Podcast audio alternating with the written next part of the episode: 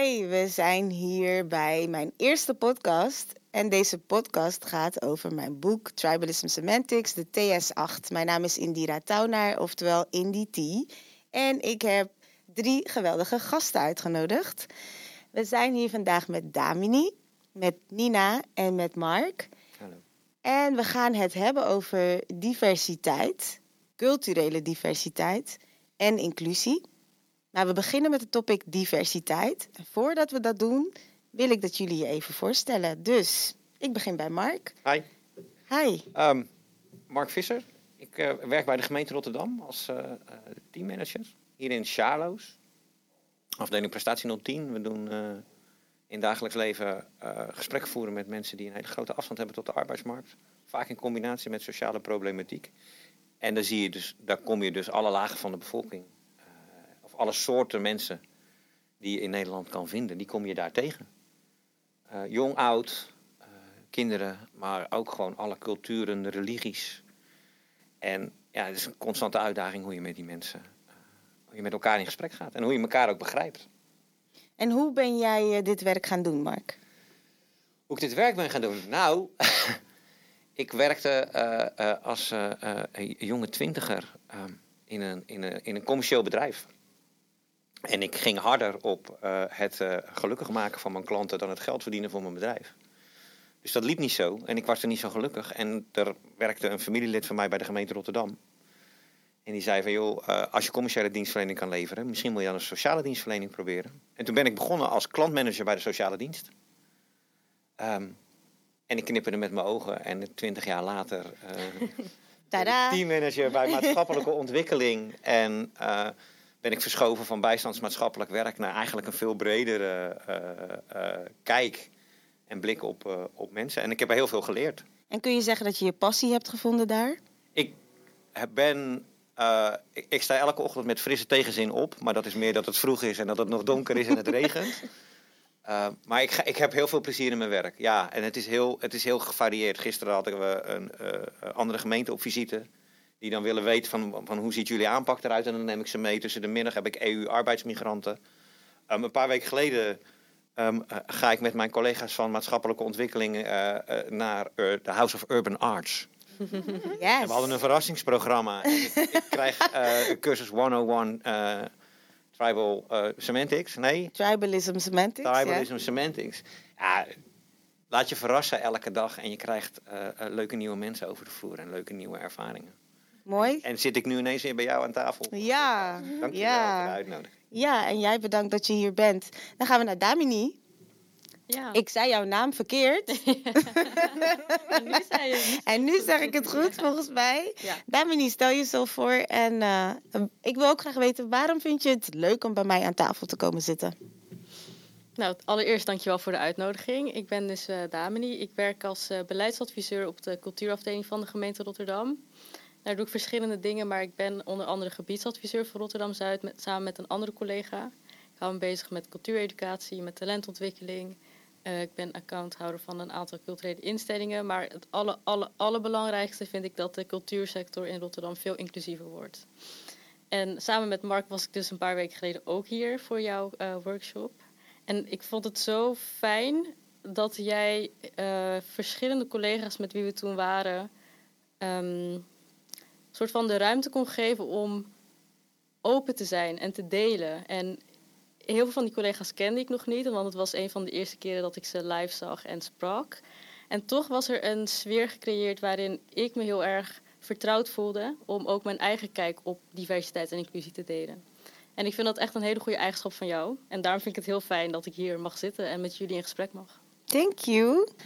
Nina Haanappel, stel jezelf voor. Ehm, ik ben Nina Haanappel, ik kom uit Amsterdam. En ehm, ik ben een theatermaker, regisseur, eh, coach. En ik werk op een middelbare school als dramadocent. Eh, en daar hebben wij elkaar ook ontmoet. Ehm, ik moest een keer een studiedag organiseren. En ik was heel erg op zoek naar iets anders dan alleen maar eh, ja, een uurtje workshop over... hoe ga je om met moeilijke kinderen? En dan geschreven of gegeven door iemand die niet echt in contact staat met de leerlingen die wij zeg maar over de vloer hebben, of waar wij over gaan. En toen heb ik eigenlijk in de, eh, de Need for Legacy, dat is zeg maar ja, in Amsterdam en omstreken eigenlijk mensen in vaak uh, culturele uh, sectoren die dan eigenlijk een beetje op zoek zijn naar wat is onze achtergrond en hoe kunnen we elkaar daar vinden. En um, toen had ik daar gewoon de vraag gesteld van is er iemand die iemand kent die mij hierin kan helpen? En toen kreeg ik jouw naam doorgestuurd en toen dacht ik ga gewoon even mailen. En toen um, ja, toen kwamen we eigenlijk in gesprek met elkaar. En toen kwamen we erachter dat jouw zus op de school heeft gezeten um, waar ik werk. Uh, met nog de oude naam. En dat jij daar ook uit de buurt komt. En toen hadden we gelijk een, ja, een heel fijn gesprek daarover. Ook gewoon heel open en eerlijk. Um, en stelde ik eigenlijk de vraag van, ja, kan jij iets bij ons komen doen? En toen ben je bij ons gekomen en dat was echt super interessant. En ik was helemaal aan en helemaal blij en zo mijn collega's vonden het super moeilijk. en uh, het ging zo niet even, altijd even zo lekker, omdat het heel, een hele andere soort taal ook was, die je in het onderwijs niet altijd spreekt. Um, en dat was voor mij juist weer, weer een eye-opener. Want ik sta natuurlijk heel erg met beide benen. Uh, doe ik alsof ik meer benen heb dan twee. Maar ik sta met één been natuurlijk in de culturele sector en heel erg de kunsten, kunstacademie, theaters, et cetera, et cetera. En ook gewoon met mijn andere been in het reguliere onderwijs ja, waar ik soms een hele erge struggle uh, ervaar. Dus het was wel heel mooi om dat even weer zo samen te hebben komen. Dat mijn ogen werden ook weer even geopend. Dat was heel uh, interessant. Mooi, dat is ook uh, heel graag wat ik doe in het leven. En de kijk op diversiteit en inclusie vind ik heel erg belangrijk. Wat het met ons doet, maar ook wat het met de wereld doet. En als we het hebben over culturele diversiteit, dan hebben we het net eventjes gehad, voordat we begonnen met deze podcast, over cultureel overstijgende diversiteit. En daar had jij een mening over, Mark. Wat wilde je daarover kwijt? Wat was mijn mening ook al? ja. Nou, nee. Wat je. Kijk, als je in, de, in, in, in Rotterdam werkt, anno 2023. Je werkt in een, in, een, in een organisatie en je hebt een hele, hele gemeleerde uh, doelgroep waar je voor werkt. Dan um, is er, als ik naar mijn, eigen af, naar mijn eigen team kijk, naar mijn eigen afdeling, is er eigenlijk geen dominante cultuur meer. Er zal de, de, de, de, de, de, de Rotterdamse cultuur van de gemeente zal nog wel dominant aanwezig zijn in, in de doelstellingen die we zetten met elkaar. Maar de, als ik kijk naar de mensen om me heen, dan is daar een enorme variëteit. En dan heb je dus uh, nou, iets meer dan de helft is vrouw. Dat, dat is al anders dan in, in heel veel uh, beroepsgroepen, denk ik nog steeds in Nederland. Um, alle kleuren kom je tegen. Um, verschillende seksuele geaardheden. En hoe krijg je dat bij elkaar? Je kan niet je uh, eigen. Uh, je, had het over binnen, binnen mijn eigen cultuur heersen bepaalde waarden en normen. Die moet je eigenlijk bij de deur laten. Want anders kan je niet, uh, kan je niet, kan je niet functioneren in die groep. Je, je moet als. Ik heb, bedoel, er zitten homoseksuele mannen in mijn team. En je, die moeten ook om kunnen gaan met met, met, met klanten die dat, die dat heel ingewikkeld vinden. Uh, seksuele geaardheid. Er zit, een, er zit een Marokkaanse dame met een hoofddoek in het team. Er zitten Turkse vrouwen, er zitten Hindoestaanse vrouwen, er zitten witte mannen. We zitten allemaal door elkaar en we zullen allemaal ons moeten schikken en moeten voegen naar elkaar. Ik, voor mij is begrip en begrijpen een heel belangrijk mm -hmm. onderwerp. Je hoeft niet altijd begrip te hebben voor de keuze van de ander. Maar je moet hem wel proberen te begrijpen. Waarom maakt iemand in zijn eigen leven een andere keuze? Jij zei iets over uh, code... Code switching. Code switching. ik, ik, ik kende de term niet, maar ik herken het wel. Want ik denk dat als je dus naar huis gaat, bij ons vandaan, ja. dat je soms een andere wereld instapt. Klopt. En dat dat best uh, uh, uh, ingewikkeld is over hoe je, dat, hoe je dat doet met elkaar en hoe je je verhoudt tot elkaar. En de, collega's die zich dan irriteren dat ze weer moeten uitleggen wat het suikerfeest is en dat je met Ramadan overdag echt niet mag eten. Ja.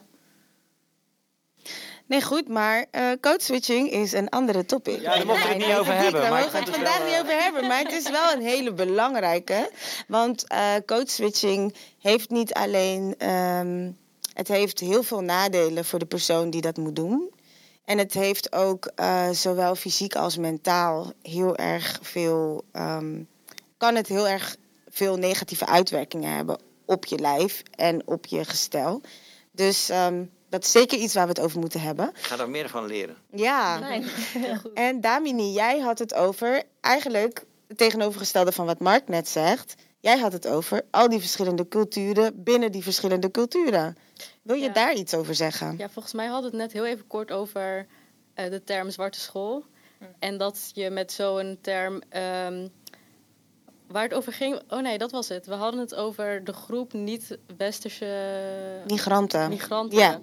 En dat, dat je dat op één hoop gooit. Terwijl binnen zo'n zo'n categorie zijn er zoveel verschillende soorten mensen die je eigenlijk helemaal niet met elkaar kunt vergelijken of op één hoop kunt gooien. En ook binnen bijvoorbeeld de Hindustaanse cultuur, laat ik het dan maar even bij mezelf houden. Ehm, ook daarbinnen heb je weer heel veel verschillende soorten groepen mensen. Dus het is heel moeilijk om. Ik snap wel dat je mensen wil categoriseren, omdat je misschien een fenomeen wil duidelijk maken of iets wil uitleggen of wat dan ook. Maar ik ben eigenlijk je vraag. Nou ja, en dat is grappig, want ik heb het dus eh, in mijn boek heb ik het over verschillende ehm, grotere niet-westerse migratievolkeren. en inderdaad, als je kijkt naar de volken, als je alleen al kijkt naar herkomst van volken binnen een bepaalde, ook bijvoorbeeld de Indiase cultuur, dan heb je gewoon binnen die ene cultuur zoveel herkomsten en zoveel verschillende religiestromingen en eh, zoveel verschillende normen en waarden dat je eigenlijk niet kan zeggen het zijn allemaal Indiase mensen en je moet ze allemaal op deze manier benaderen. Want als je eh, bijvoorbeeld, als we het hebben over Hindustaanse mensen, die zijn gewoon trotse Surinamers eigenlijk. Maar eh, ze zijn ook Indiaas en die cultuur die waarderen ze ook. Maar in India worden ze misschien als hele andere Indiase mensen gezien dan dat ze in Suriname worden gezien onderling. Maar ja, Ik wil dan misschien toch nog even iets kort zeggen. Ik denk dat het ook heel erg gaat om wie je tegenover je hebt. Want bijvoorbeeld met jullie zou ik misschien eh, veel meer de diepte in kunnen gaan op zo'n onderwerp, omdat jullie al een bepaalde kennis erover hebben. Terwijl als iemand dat niet heeft, dan, moet je het, dan komt er gewoon veel meer uitleg bij kijken. Dus ik denk dat het belangrijk is om je constant bewust te zijn met wie je het hebt over dit soort onderwerpen, als je echt het goede gesprek wil voeren. Ja, inderdaad. En eh, Nina, jij, eh, we hebben het, net, hebben het net even gehad over die term zwarte school. Kun jij vertellen waarom je dat een beladen term vindt? Ehm, ja, ik vind, het, ik vind hem vrij ingewikkeld. En dan komt ook dat stukje gewoon Nederlandse taal ehm, en lading van woorden komt daar erg bij kijken. Want vaak in het Nederlands, als we het hebben over de term zwart, dan is dat vaak nog iets wat vrij negatief is, zeg maar. Dus als Ja, anders de- dan trots, zoals Mark Ja. aangaf. Je hebt natuurlijk ook de black proudness. Precies, precies. Maar als je het hebt over een zwarte school, dan is dat misschien super negatief. Ja, ja, en dat is gewoon iets, want we, ik probeer ook altijd als mensen vragen, oh, wat voor soort school werk je dan?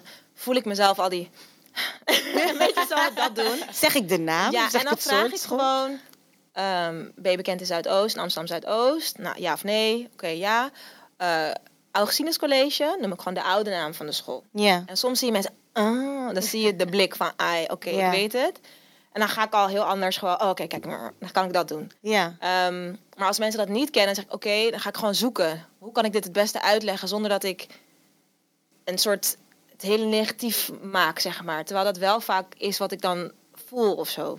Snap je dat ik denk van ja, het is een. en dan ga ik met die aircodes. Het is een zwart. Ja, vroeger noemden we het dan een zwarte school, maar ja, het is gewoon ja, een school in een, in een wijk en het is gewoon.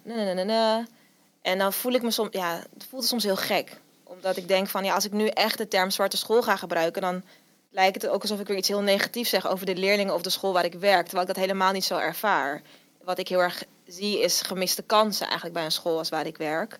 Ehm, waarvan ik gewoon zie van hé, hey, als we meer geld of meer eh, eh, liefde of als er meer aandacht werd besteed aan Ja. de problematieken die wij ervaren, dan kunnen we heel, niet heel makkelijk, maar dan kunnen we dat stempel makkelijker kwijtraken. En Ja. nu hebben we echt nog gewoon dat negatieve stempel. En vroeger was dat gewoon ja, een zwarte school.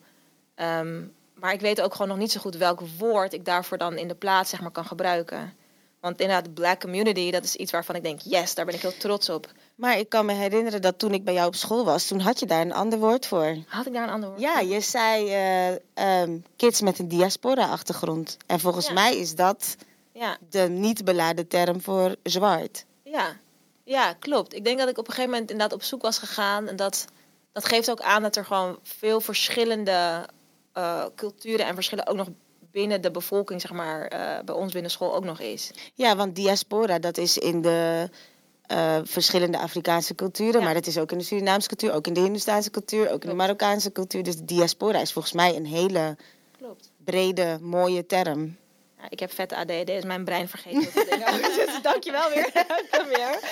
Maar dat is ook wat ik dan interessant vind als je het hebt inderdaad over de voorkennis van iemand. Als je het dan hebt, soms als je die term dan bijvoorbeeld noemt, dan moet je ook weer eerst gaan uitleggen wat de term dan is. Ja. En dat is dan, dan merk je gewoon het in taal dat we echt nog niet op hetzelfde punt zijn met elkaar. Wat aan de ene kant heel interessant is. En wat soms ook als iemand die altijd iets moet blijven uitleggen, kan het soms heel frustrerend zijn. Ja. Merk ik zelf. Oké. Ik wil even één vraag aan één persoon stellen. Ik denk dat ik ga voor jou, Damini. Wat betekent culturele diversiteit voor jou? Oeh. Misschien moet ik meerdere mensen dan de vraag stellen. ik, ik gooi hem even bij jou. eh. Voor mij persoonlijk, ja, voor jou persoonlijk. het eerste waar ik aan moest denken was eh, identiteitscrisis. Leg uit. Bam. Leg uit, pas toe. nee. Omdat, ehm, zeg maar, culturele diversiteit is een gegeven. Iedereen komt ergens anders vandaan, heeft een andere heritage, eh, weet je. Dus dat is gewoon iets wat het is. Maar je probeert je altijd te verhouden tot je directe omgeving. En waar ik ben opgegroeid, dat is ook hier in Charloes. Daar wonen zoveel mensen met een verschillende culturele identiteit. Ehm, dus het was heel divers. En dat was heel erg fijn, want iedereen was een soort van anders. Maar Mhm. natuurlijk niet anders, hè. En op een gegeven moment ging ik naar de middelbare school. Dat was een overwegend witte school. Welke school? Mag ik het weten? Ja, dat was het Erasmiaans Gymnasium. Oh, ja, ja, ja, ja, ja. En dat is best wel een goede school. Dus Ja. je wil ook je heel erg je best doen. En je gaat naar de middelbare school. Je bent in die leeftijd van 14, 13, 14. En je wil ergens bij horen.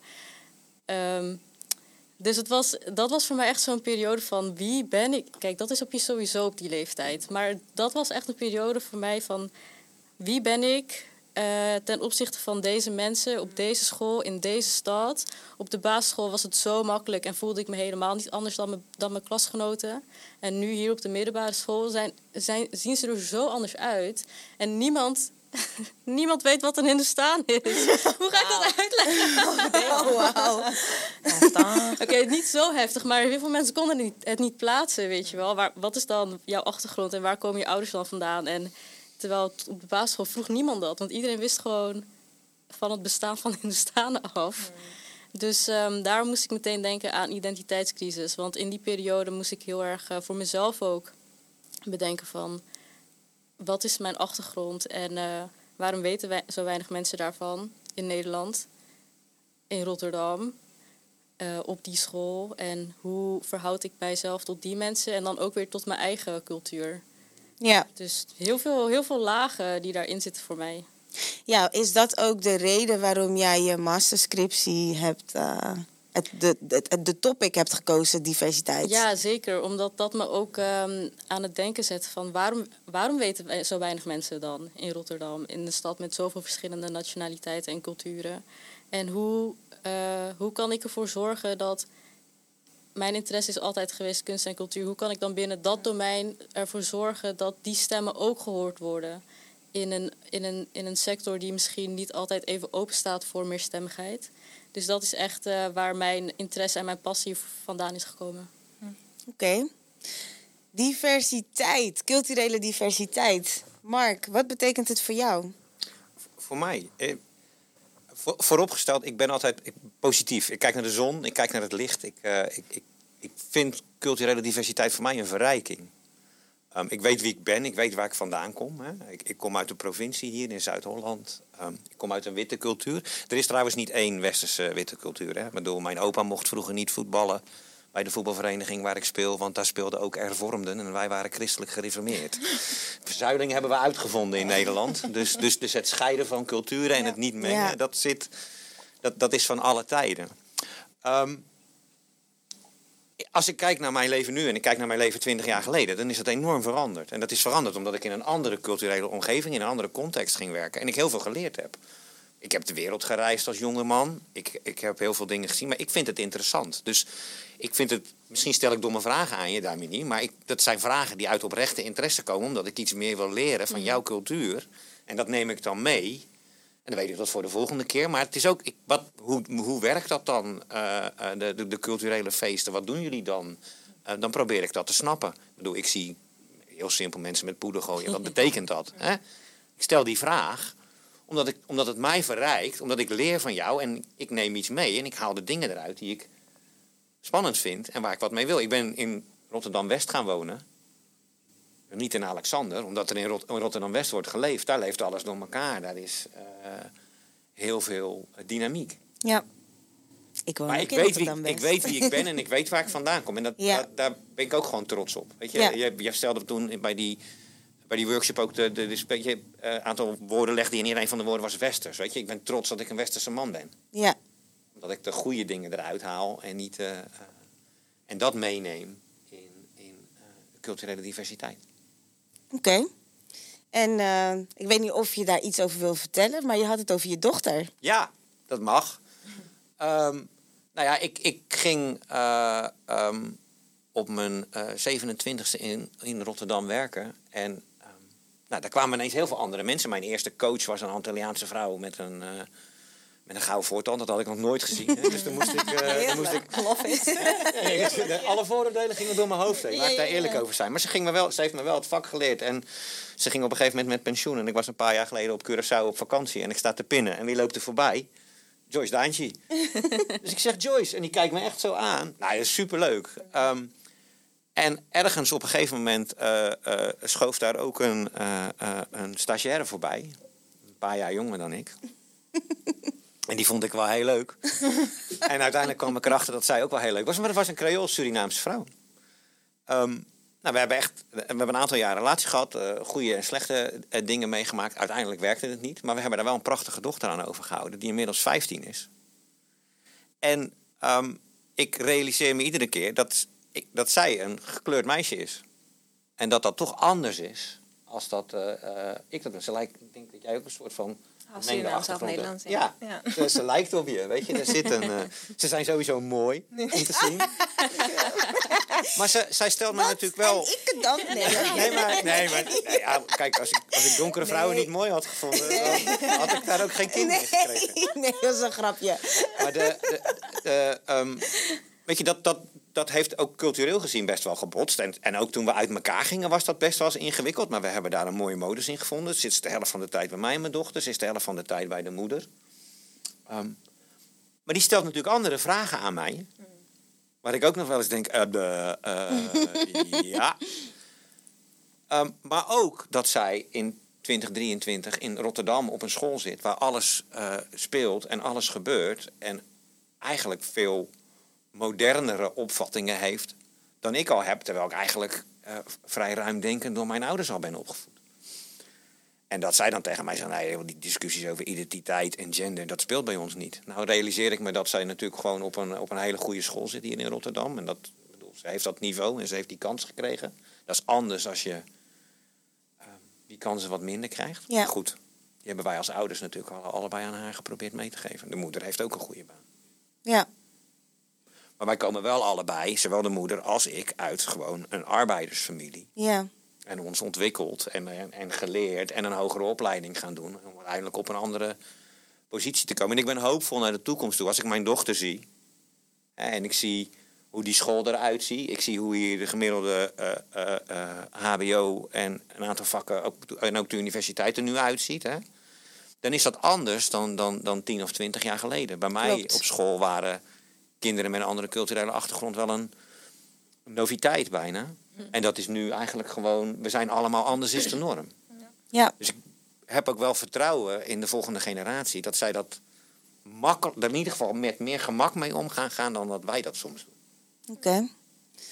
Mooi, want dat zijn bijvoorbeeld ook de dingen die te sprake kwamen een beetje tijdens de workshop die jullie allemaal hebben gevolgd. Nou maak ik de workshops op maat, maar ehm, de kern blijft ongeveer een beetje hetzelfde. Er is een belang vanuit een organisatie die zegt bijvoorbeeld, jij gaf aan bij mij van ik wil heel graag dat er gewoon wat meer ehm, saamhorigheid is in het team. En jij gaf aan dat je wilde dat eh, er meer begrip was voor elkaar. En dat mensen dichter naar elkaar toe gingen groeien. Hey, wat leuk dat je naar mijn podcast hebt geluisterd. Voor vragen, mijn boek of workshops, ga naar indie-t.com. En volg me op socials, at. Lobby!